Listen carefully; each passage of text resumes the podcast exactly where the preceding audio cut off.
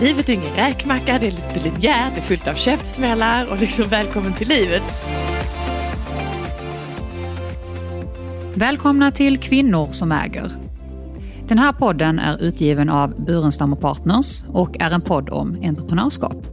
Vi kommer att träffa kvinnor som äger och driver bolag och få ta del av och inspireras av deras resa från idé till framgångsrikt bolag.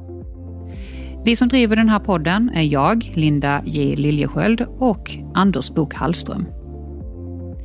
Idag kommer vi att träffa Charlotte Ljung. Charlotte Ljung är den skånska entreprenören som flyttade till New York som 18-åring och först långt senare började i familjeföretaget Dux. Nu är hon grundaren och ansiktet utåt för den innovativa skilsmässoappen Endbright. Det är lite som att hon flyttar människor från en Dux dubbelsäng till en enkelsäng. Vi kommer att prata om mentorskap, pannben och hennes egen erfarenhet av barnarbete. Och vi kommer också prata om utmaningen att gifta ihop arbete med fritid och att omfamna käftsmällarna i livet. Välkommen hit Charlotte och eh, vad kul att du vill komma hit och delta i vår podd. Vi eh, sitter ju just nu här på Burenstam Partners eh, kontor i Malmö, IRL. Och eh, det är så spännande att träffa dig Charlotte, för du har ju så många olika hattar, så mycket erfarenhet. Och sen driver du ju framgångsrikt den första divorce planner-tjänsten Enbright. Och den ska vi prata om mer alldeles strax, men först vill vi ju höra lite om din bakgrund. Och eh, du är född i New York Uppvuxen i Malmö i en entreprenörsfamilj. Eh, tredje generationen. Fjärde. Fjärde till och med. Mm. Oj, oj, oj. Viktigt med, viktigt med de här. Ja, och det är med familjeföretaget och sängtillverkaren Dux vid köksbordet. Men förutom det har du fyra bröder. ja. Hur var Så det att jag kan att växa upp? också. Precis. Eh, nej men i mångt och mycket det låter jättetjusigt när, du, när man också säger att jag är född i New York men jag är faktiskt en helt vanlig Malmötös. Eh, och, eh, och men att jag har eh, haft möjligheten att få påverkan av den stora världen också och mina bröder. Eh, och jag är eh, jätteglad över att få lov att ha fyra bröder som jag har kunnat retats och gnabbats med under hela min uppväxt, men som också har lärt mig jättemycket.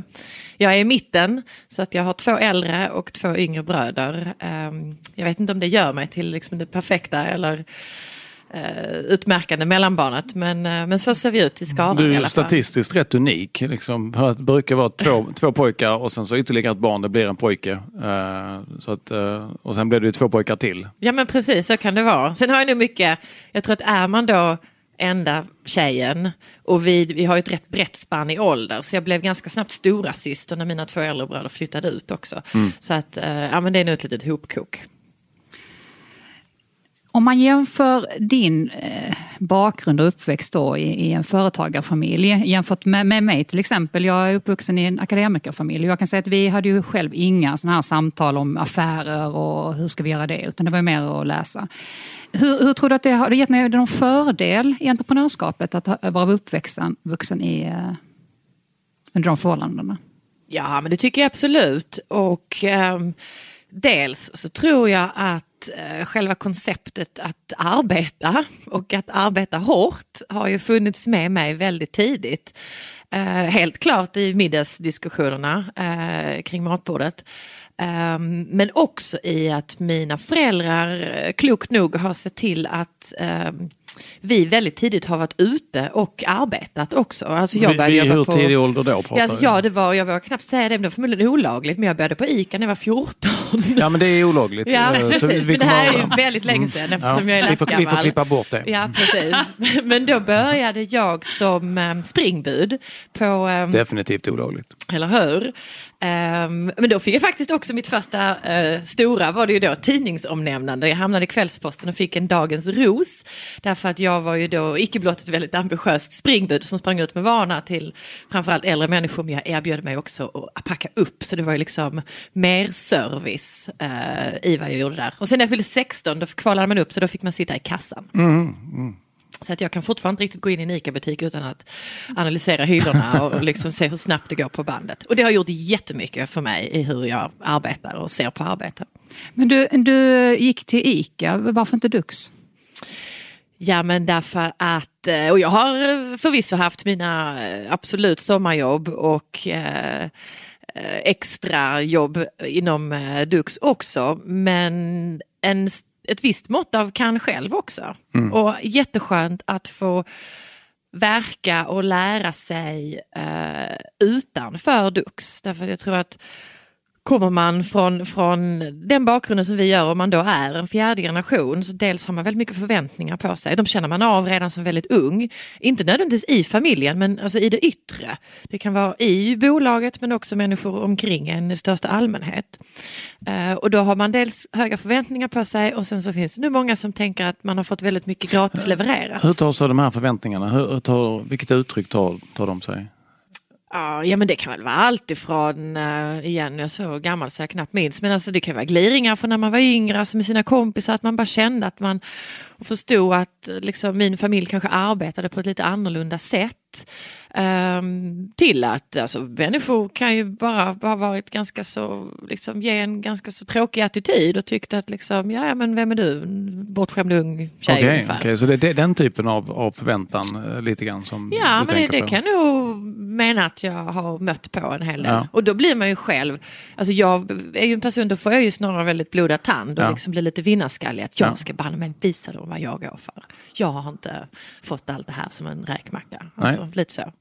Charlotte, sen så, ju, apropå det här kan själv. eh, Du flyttade till New York själv och eh, började studera interiör och design.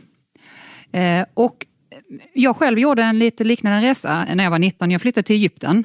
Så jag vet ju att man, Wow. måste ju, ja, man måste vara modig för att göra det där.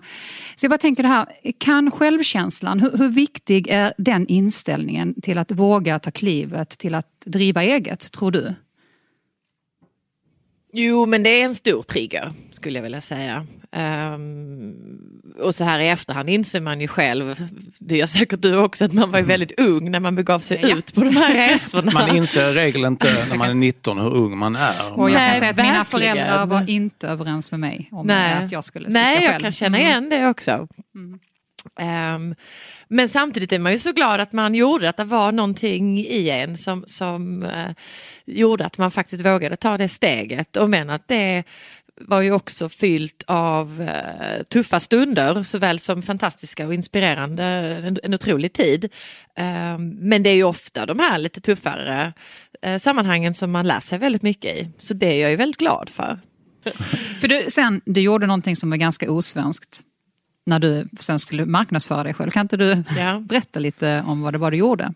Ja, precis som du säger, jag marknadsför mig själv. Eh, och, det i sig är väl ganska så osvenskt och passar väl inte riktigt in i jantelagen eh, och är lite fult. Eh, kanske även så inom, för nu kommer jag ju då, hade gått i skolan inom form och design och arkitektur och där finns det också en ganska tydlig norm över hur man ska vara och liksom inte allt för färgglada kläder eller liksom för mycket utsvävande utan det handlar om djupa diskussioner om gestaltning och filosofi och liknande. Nu raljerar jag lite. Men eh, så USA var ju fantastiskt då därför att där får man ju lov att, eh, att marknadsföra sig själv och, och kan ju göra det ganska så hämningslöst. På gott och ont. Så du eh, printade upp 500 broschyrer om hur bra du var. Ja, jag hittade dem för inte så länge sedan och så skrattade jag gott för mig själv. Och, och så blir man förvånad också i att man tänker tillbaka till sitt liksom, 20-åriga jag i att man ändå gjorde det. För då var man nog också tillräckligt ung och naiv i att faktiskt göra det, lite det här liksom hämningslösa. Men när jag har hundratals broschyrer om mig själv och hur, fantastisk, hur fantastiska mina projekt var. Eh, och sen gick jag och knackade dörr med de här broschyrerna i hand. Och vad hände då? Eh, ja, då igen eh, får man ju köra sin pitch. Som jag nu har lärt mig att göra på helt andra sätt. För att då med min broschyr så får man ju också liksom påbörja det här skådespelet i att eh, förklara allt vad jag kan. Ja men jag, så jag snackade mig in på en byrå helt Ja. enkelt. Men det är, ju, eh, det är ju helt fantastiskt. Ja, det är skickligt. Det- Jag bara tänker så, borde vi vara mindre svenska i Sverige? Borde vi liksom anamma det här sättet att eh, ta för oss lite? Vad tycker du? Det låter konstigt när du säger det var mindre svenska i Sverige, men jag förstår, jag, jag förstår vad du menar. Ja, men det tycker jag absolut att vi kan göra. Jag tror inte minst kvinnor eh, kan och behöver göra det. Och jag menar, blickar man över till Köpenhamn som är nära där vi nu sitter så, så bara där upplever jag att man har en annan, eh, lite mer, eh, vad ska man säga, modig är inte rätt ord, men liksom att man, man, man kan brassa på lite mer och jag tycker det, det är bra. Sen får det såklart inte slå över och jag tror att en väldigt sund sak med den svenska kulturen är att vi ändå har en viss ett visst mått av ödmjukhet. Vi är väldigt måna om att fortfarande stå med båda fötterna på jorden. Och det uppskattar jag jättemycket och det tycker jag är jätteviktigt och jag vill gärna ha jag vill gärna vara så själv. Um, så att man kan nog plocka lite olika delar där. Tror jag. Mm. Jag tänker just eh, kvinnor, vi är väldigt duktiga på att, um, att ja, vi ska kunna allting innan vi överhuvudtaget tror att vi kan någonting. Um, Mm. Så där, i, den, i den aspekten tycker jag att där borde vi kanske ändå visa lite mer på, det på vad vi kan. Det finns män som är så också kan jag tillägga. Okay. ja, det är bra att vi har det här Anders. Jag är det manliga alibit i det avseendet. Ja verkligen, du kommer få kämpa hårt. Men du eh, Charlotte, sen, det gick ju väldigt bra för dig i New York. Men sen flyttade du hem till Malmö igen. Du startade din egen byrå och sen efter ett, eh, ett tag så blev Dux din kund och så drogs du in i familjebolaget. Stämmer. Eh, men vad var din roll då i Dux?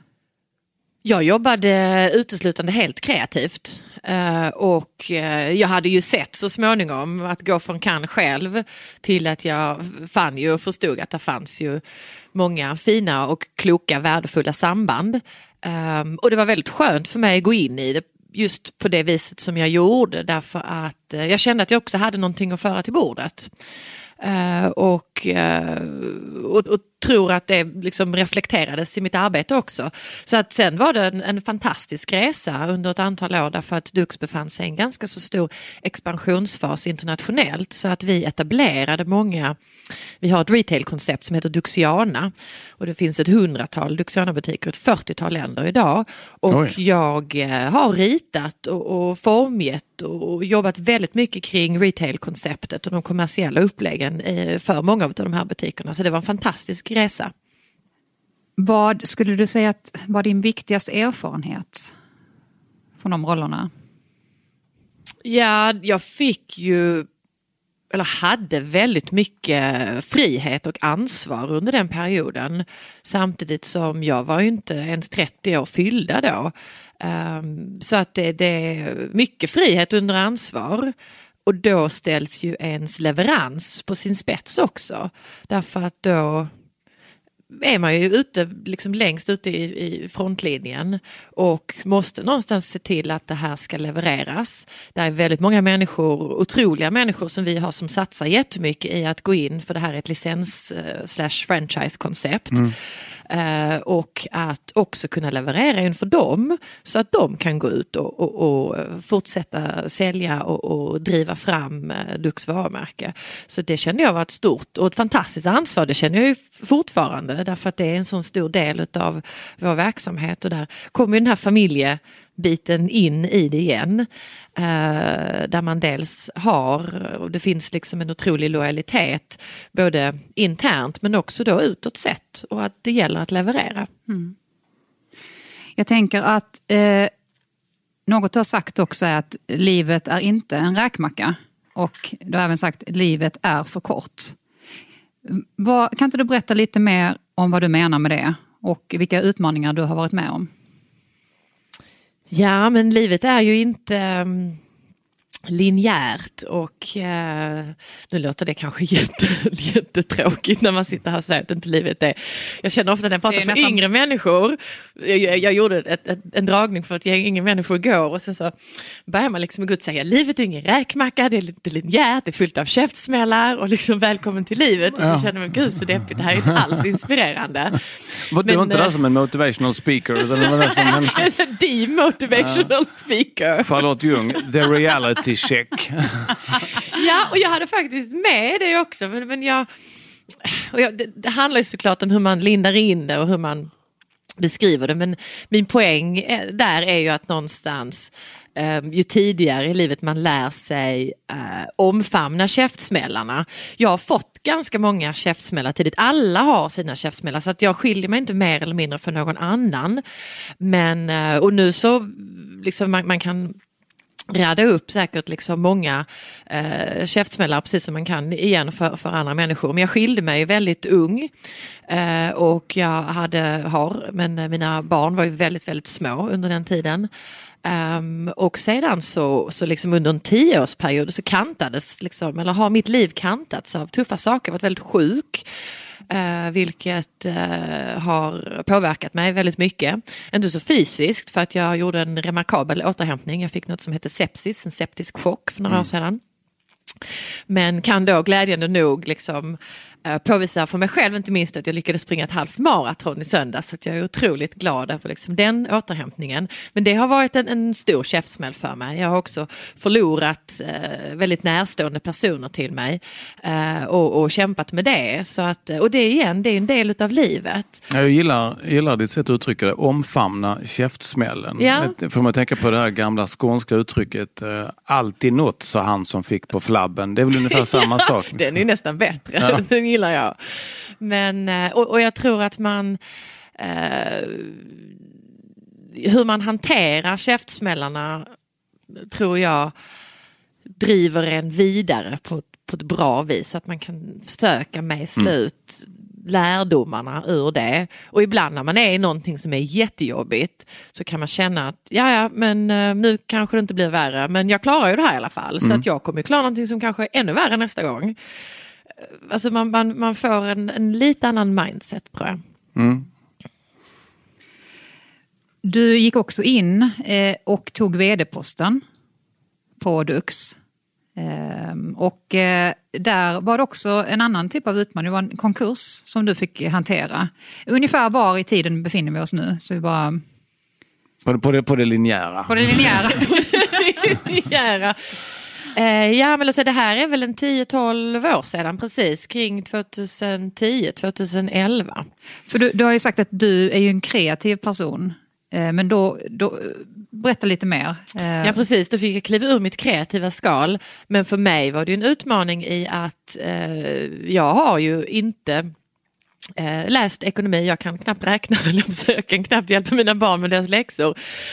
Um, men, eh, och jag har liksom ingen, ingen tjusig uh, på det viset.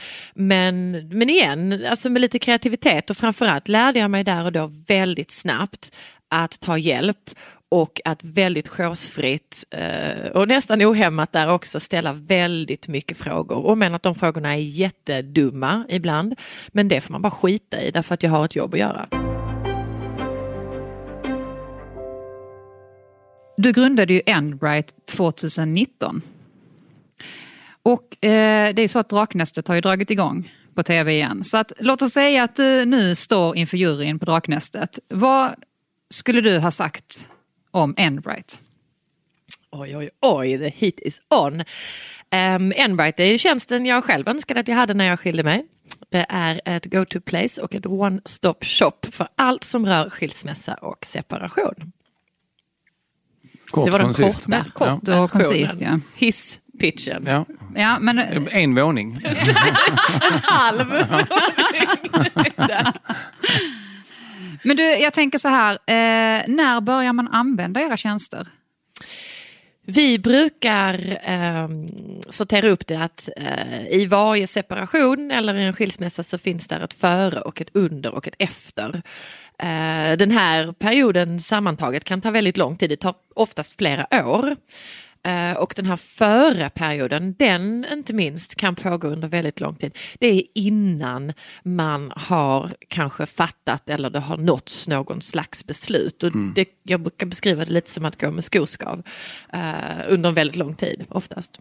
Men det, är inte, det kan ju vara att det är en som har skoskav men den andra promenerar ju vidare i sina. Nike Air och tycker livet är tippen toppen. Nu sitter du här i minoritet så det är ju lite orättvist men det är oftast kvinnorna som går med lång skoskav. Ja, men jag, jag har förstått det. Uh, hur ser fördelningen ut? Uh, kvinnor och män? Uh, I Enbite i verksamheten Ja. så är det ungefär 70% kvinnor, 30% män som är era som är klienter? anslutna till oss. Ja. Precis. Men glädjande nog så ser vi att eh, framförallt yngre män ökar Mm. eh, deras närvaro på vår, eh, på vår plattform. Och jag tror också att det här det är ett tecken på hur tid, tiderna förändras. Mm. Varför tror du att det är så då, att det är fler kvinnor som använder tjänsten? Därför att där är rätt och slätt fler kvinnor som ligger eh, i underläge i äktenskap. Igen tillbaka till det här historiska i eh, hur äktenskapet är konstru- konstruerat som en, en liksom institution en gång i tiden. Eh, och att kvinnor har ju inte haft samma roll som män i samhället. Det är ju först nu som kvinnor har eh, akademisk, professionell eh, och således även då ekonomisk eller finansiell leverage och möjligheter att eh, välja att antingen då inte gifta sig och eller att eh, dela på sig i den relationen man är.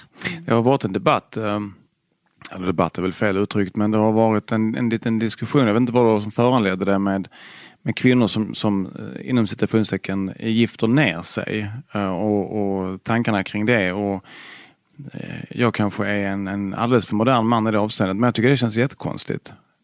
Att bara resonera på det sättet. Och jag tror att längre fram med tanke på att det är ju betydligt fler kvinnor som eh, examineras som läkare till exempel eller går på juristlinjen och jag vet inte hur det ser ut på Handels man skulle tippa att det är en eh, minst 50-50 i alla fall. Så jag tror att framöver så kommer det ju förmodligen bli att det kanske är männen som är i underläge eh, i Sverige.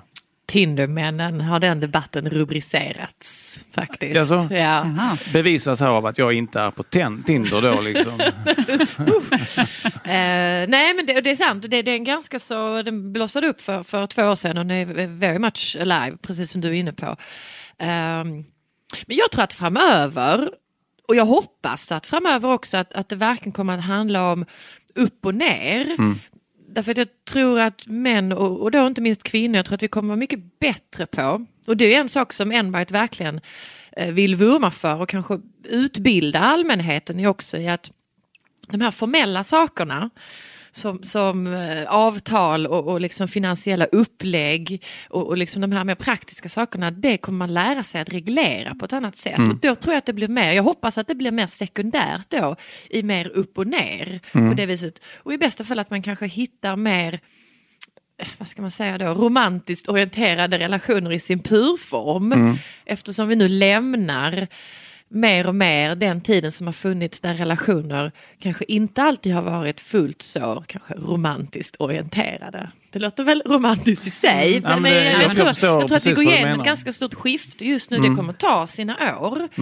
Ehm, men, men det är ju inte heller, och då kan vi ta Sverige som är, ligger längst fram, skulle jag nog ändå rubricera oss som land att vi gör i, i den här eh, frågan hur vi ser på jämlikheten och, och, och upplösningen av äktenskap inte minst. Men det är ju inte, det är bara sedan 60-70-talet som, som vi har börjat skilja oss här hemma. Och vi har ju länder som, som ligger långt, långt efter också. Och I den här debatten så är det ju också så viktigt just med det kvinnliga entreprenörskapet. För att ska vi göra en skillnad i samhället så behöver det vara fler kvinnor som driver bolag och som får en maktposition. Eh, och på så sätt så kan man ju också, ja men kan äktenskapet kan handla mycket mer om just romantiken. Så att det, är ju jätteviktigt. Eh, och det, är så- det är så bra att du är en av dem som sitter här nu som, som är en kvinnlig entreprenör och kan leda andra. Men du, jag bara tänker eh, Charlotte, för jag tror det är många som ändå är intresserade som kanske har tankar själva att, att starta något. Eh, hur man gör med finansiering. Och, Jag trodde du skulle säga skilja sig. Nu kör vi. Ja, Okej, nej, men precis. Nej, men, eh, för när du eh, startade och grundade Enbright så, så finansierade du det till en början från egen ficka. Eh, och eh, jag bara tänker, eh, ha, kan du ge någon fingervisning på vad behöver man liksom ha i egen ficka för att kunna starta ett bolag, eh, ett techbolag då, eh, så som du har gjort? Ett pannben. och att vara riktigt, riktigt mycket vinnarskalle tror jag. Och alltså, omfamna även- käftsmällarna. Ja, precis, precis. Man ska kunna få på flabben. Ehm, nej, alltså det, har- det har ju varit en otrolig resa. Det är, det är två år vi har varit igång nu och eh, eh, nej, men jag hade inte ens kunnat, det, det, är ju, det är ju nog väldigt bra att man inte vet vad man ger sig in på. Eh, därför att då kan man lätt bli, eh, bli avskräckt. Alltså jag minns att när jag, när jag började att klura på det här, alltså idén kom ju nog ändå ganska tidigt och, och idén som sådan tror jag inte är, är, är liksom rocket science. Jag tror många kan ha reflekterat över att man hade velat ha den här hjälpen och jag sökte ju definitivt själv efter den här typen av hjälp när jag gick igenom min skilsmässa och blev lite förundrad över att det inte fanns. Och sen återbesökte jag liksom tanken, den låg marinerad under ganska så många års tid ändå. Och sen så till slut så tänkte jag, ja men det är ju bra att ha ord och tankar till handling så jag började skriva lite. Och, och jag kan fortfarande gå tillbaka, alltså det finns ju 30 affärsplaner för Enbright nu och det är jätteroligt och väldigt underhållande att gå tillbaka till de första. Men det fanns ju ändå något sorts korn.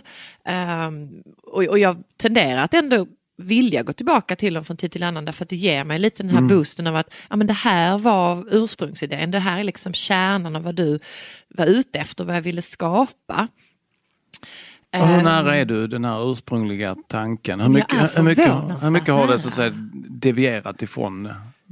Jag är läskigt nära. Det är så? Ja, och jag blir väldigt positivt överraskad när jag ser mina så här nästan gula post-it-lappar vid det här laget.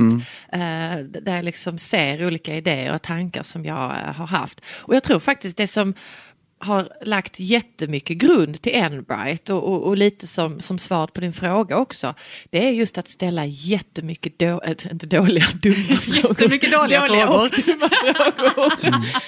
Men det var ju superläskigt därför att då var jag så nervös i att människor kommer tänka att jag är spritt galen. Det var ett väldigt få, få antal människor som jag vågade bara, vad tror du om den här idén? Hur, alltså, kommer folk tycka att jag är helt spritt språngande galen? Vad mötte du för reaktioner då? När Nej, du, men jag mötte bara pepp. ja. Och det, men det var liksom från början, jag började med en, två, och sen så liksom sakta men säkert så utökade den cirkeln. Och när de då till min stora förvåning sa att jag absolut inte var galen utan de sa att wow det här liksom kör Charlotte. Eh, då fick mig lite säkerhet. Då då liksom så byggde jag på så, liksom, så jobbade jag utifrån det. Ehm, och förmågan att ta till sig väldigt mycket tough love. Alltså det var ju s- när det väl ändå blev liksom lite skarpt läge. Eh, såklart att man då lyckas snacka sig igenom många dörrar, men det var ju många dörrar som stängdes också. Men då försökte jag gå tillbaka till det här att ja, ja men eh, då knackar vi på nästa dörr istället. Lite grann som New York som Exakt. 20-åring. Precis. Knacka på. Knacka på dörren, ja. Men, och, och nu så är det ju en annan fas eh, rent med finansieringen. Eh, du har tagit in ett fåtal ägare. Det stämmer. Och eh, det är ju såklart också en bekräftelse eh, att det, det är något bra du, du har här ju. Eh, men, och sen funderar du vidare nu på en emission till. Ja men det stämmer. Ehm, och igen, mycket av det här är ju mycket, det är väldigt mycket nytt för mig för att jag kommer från ett privatägt familjeföretag. Så att för mig att lära mig att, att eh, liksom simma bland eh, olika instanser och aktörer när det handlar om att skala upp ett techbolag eh, så är det ju otroligt mycket ny mark för mig. Ehm, jag är ju ganska så eh, vad ska man säga, basal i mitt tänk där. I att jag går mycket på eh, känsla och jag tycker om att ha bra, vett, vettiga, liksom, rediga människor omkring mig. Det kan man såklart inte alltid veta, det finns ingen garant för det. Men, men eh, där försöker jag gå mycket på, på min intuition som jag ändå tror idag, 40 liksom år senare, eller 40 år gångna, ändå är eh, ja, men det är en bra liksom, guesstimate på vad människor eh, går för och vad de kan bidra med och, och vad jag tror att jag behöver. Var det svårt att få eh, så att säga, intressenter? Eller var det... Snacka kan jag ju. Du kan... Nej, det var det faktiskt inte. Inte de här första och det är fantastiska eh, individer och aktörer som, som jag tror också har sett mig och, och, och känner mig eh, och hur jag arbetar. Och, och de vet att jag är väldigt mån om just leveransen. Så att jag känner ett väldigt stort förtroende för dem, från dem. ja. Eh, och det känns jättebra att ha det i ryggen ja. när man nu ska takta vidare. Sen går man inte in i det här för att man är snäll eller för att man gillar det utan för att man tror på idén. Och, och det kan jag förstå att man gör. Det finns ju en uppenbar skalbarhet i detta.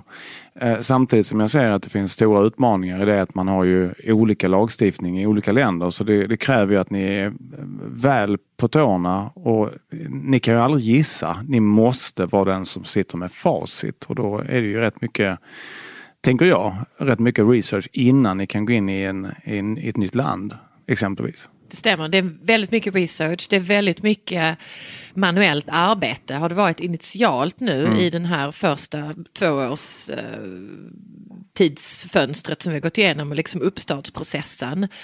Um, också lite prekärt eftersom det är ett speciellt ämne. Jag tror att det hade handlat om någonting helt annat så hade det varit väldigt naturligt att kanske göra samma process men man hade kanske lite mer ohämmat um, tagit sig an informationen och datan som kommer in Därför att vi tar ju del av väldigt mycket personlig information. Det, ja. det är en väldigt grundläggande del uh, för oss så att vi ska kunna göra vårt arbete och hjälpa människor att ta sig vidare. Ja. Um, och jag tror också att det som är speciellt är att vi någonstans lägger grunden för en ny typ av bransch. Uh, därför att igen, ingen har mött denna, detta ämne eller denna frågan på det viset som vi gör. Så att där måste man nog också ge sig lite till tål. Så mm. absolut ha respekt för olika länder olika marknader och kulturerna ja. som också kommer in här som vi var inne på, uh, på lite tidigare. Du är inne på nog, nog, tror jag, en av de absolut viktigaste aspekterna. Det är datasäkerhet. Alltså, uh, skulle ni bli hackade så kan ni ju stänga ner verksamheten direkt. Den är ju oerhört viktig. Ja. Väldigt mycket av det vi gör handlar ju om förtroende, integritet och, och sekretess och mm. den allmänna såklart säkerheten kring hur våra system är uppbyggda och hur det hanteras ja. och hur våra flöden ser ut. Um, och det är ju helt klart som du säger, det är en make it or break it. Ja. Tittar ni på några andra specifika marknader just nu som ni tänker gå in i? Ja men det gör vi, vi sneglar. Eh, sen försöker vi samtidigt lära oss att gå innan vi börjar springa. För att jag tror, precis som Anders är inne på här, så är det väldigt viktigt att vi vet och förstår eh, grundplåten i, i, hur vi ska jobba. Och det är fortfarande väldigt mycket som modelleras så att säga innan man sen kan skala ut det på internationell nivå. Uh, men definitivt så gör vi det och det är framförallt i, i andra länder i norra Europa som har lite samma uh, mindset som vi har. Vi tittar bland annat på England, det är väldigt intressant, Storbritannien mm. um, och såväl som Tyskland. Ehm, dels är de intressanta ur språk, eh, språkhänseende men också just i hur, precis som Anders är inne på, hur de legala systemen ser ut. Eh, såväl som i, i en hel del liksom, de finansiella uppläggen eller hur det finansiella förfarandet är mm. när man skiljer sig eller separerar. Hur tror du att planerna ser ut om fem år? Alltså Enbright är ju är fortfarande så väldigt mycket av min, min bebis och liksom mitt hjärtebarn. Eh, och jag lär mig som sagt fortfarande väldigt mycket i hur jag taktar på i att skalera ett bolag som, som Enbright med eh, vidare eh, investeringsrunder såklart och vilka olika möjligheter som finns vid horisonten. Eh, men jag tror att det är, det är allt för tidigt för att, eh, för att säga vad, vad som kommer ske mm. där. Um, och igen, um, det är väl klart att, att där är ju en yellow brick road och jag vill hitta rätt aktörer som jag tror kan driva frågan framåt bäst. Mm. Uh, på ett sätt är det ju såklart den reella verkligheten, eller och verksamheten snarare som vi bedriver. Och precis som alla andra verksamheter så ska den fungera, alla liksom kuggarna ska spinna på och vi vill kunna driva upp en lönsam affär.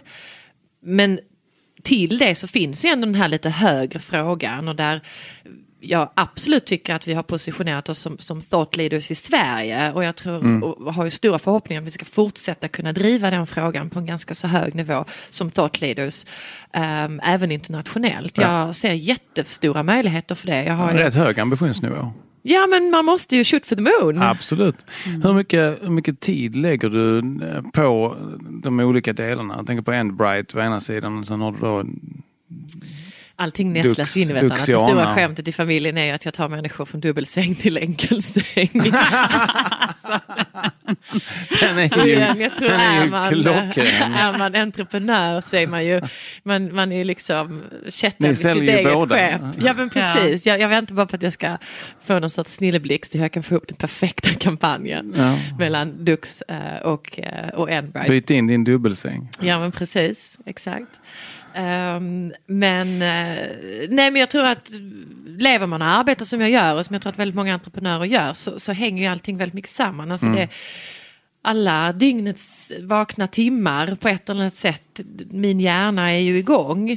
Sen såklart så gäller det att lära sig att hantera eh, livspusslet och, och, och att få ihop faktiska och praktiska bitar oavsett om det är Dux, Enbright eller mina barn. Ehm, Känner du att du kanske kommer behöva välja framöver? varför ska man behöva göra Nej, det? nej, jag säger inte att du måste. eh, Men, Ja, eh, men, och, och, men, men jag- det är en relevant eh, poäng. Jag tänkte på det du har inte jag... mer timmar på dygnet än vad någon annan har. Nej, precis. Jag, jag tänkte på det innan jag kom hit faktiskt. För jag hade på, jag hade på känn att den här frågan skulle komma upp.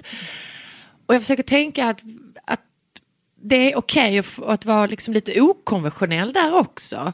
Eh, jag tror mycket på att, att omringa sig av, av bra människor, att bygga upp fantastiska team såklart. Därför att då kan jag sprida ut mina timmar Ja, ja. Som, som precis som du säger är ju begränsade.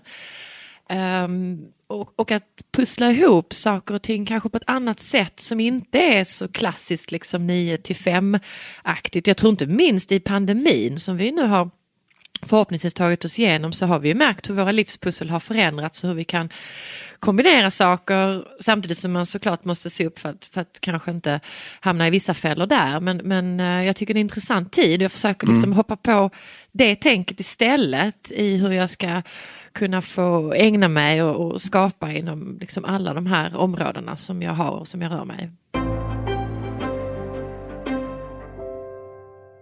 Kan alla bli entreprenör? Eh, finns det några speciella egenskaper som du skulle säga att man behöver för att lyckas? Ja, jag tror att väldigt många kan bli entreprenörer om det krävs ett, eh, ett stort mått utav eh, willpower och envishet, uthållighet eh, och att man är nyfiken. Jag drivs jättemycket av att jag är nyfiken och att jag vill förstå hur saker och ting fungerar eller jag vill utforska det eller jag kanske inte alltid förstår det men då har jag i alla fall varit nyfiken nog till att ge det en chans. Tre goda råd till den som vill starta ett bolag. Ja. Ja. Livet inte rätt. Nej, jag skojar bara. eh, nej, men jag tror att man måste vara väldigt nyfiken. Och man måste våga ta risk. Och men att det är ju bra om det är kalkylerade risker. så att säga. Men eh, man måste definitivt våga ta risk och man måste vara väldigt beredd och eh, införstådd med att det är eh, otroligt mycket arbete. Det är mycket blod, svett och tårar. Men god- så värt det. Och god nattsömn. Men du, tack så jättemycket Charlotte för att du ville komma hit och delta i vår podcast. Tusen tack. Så kul att vara här.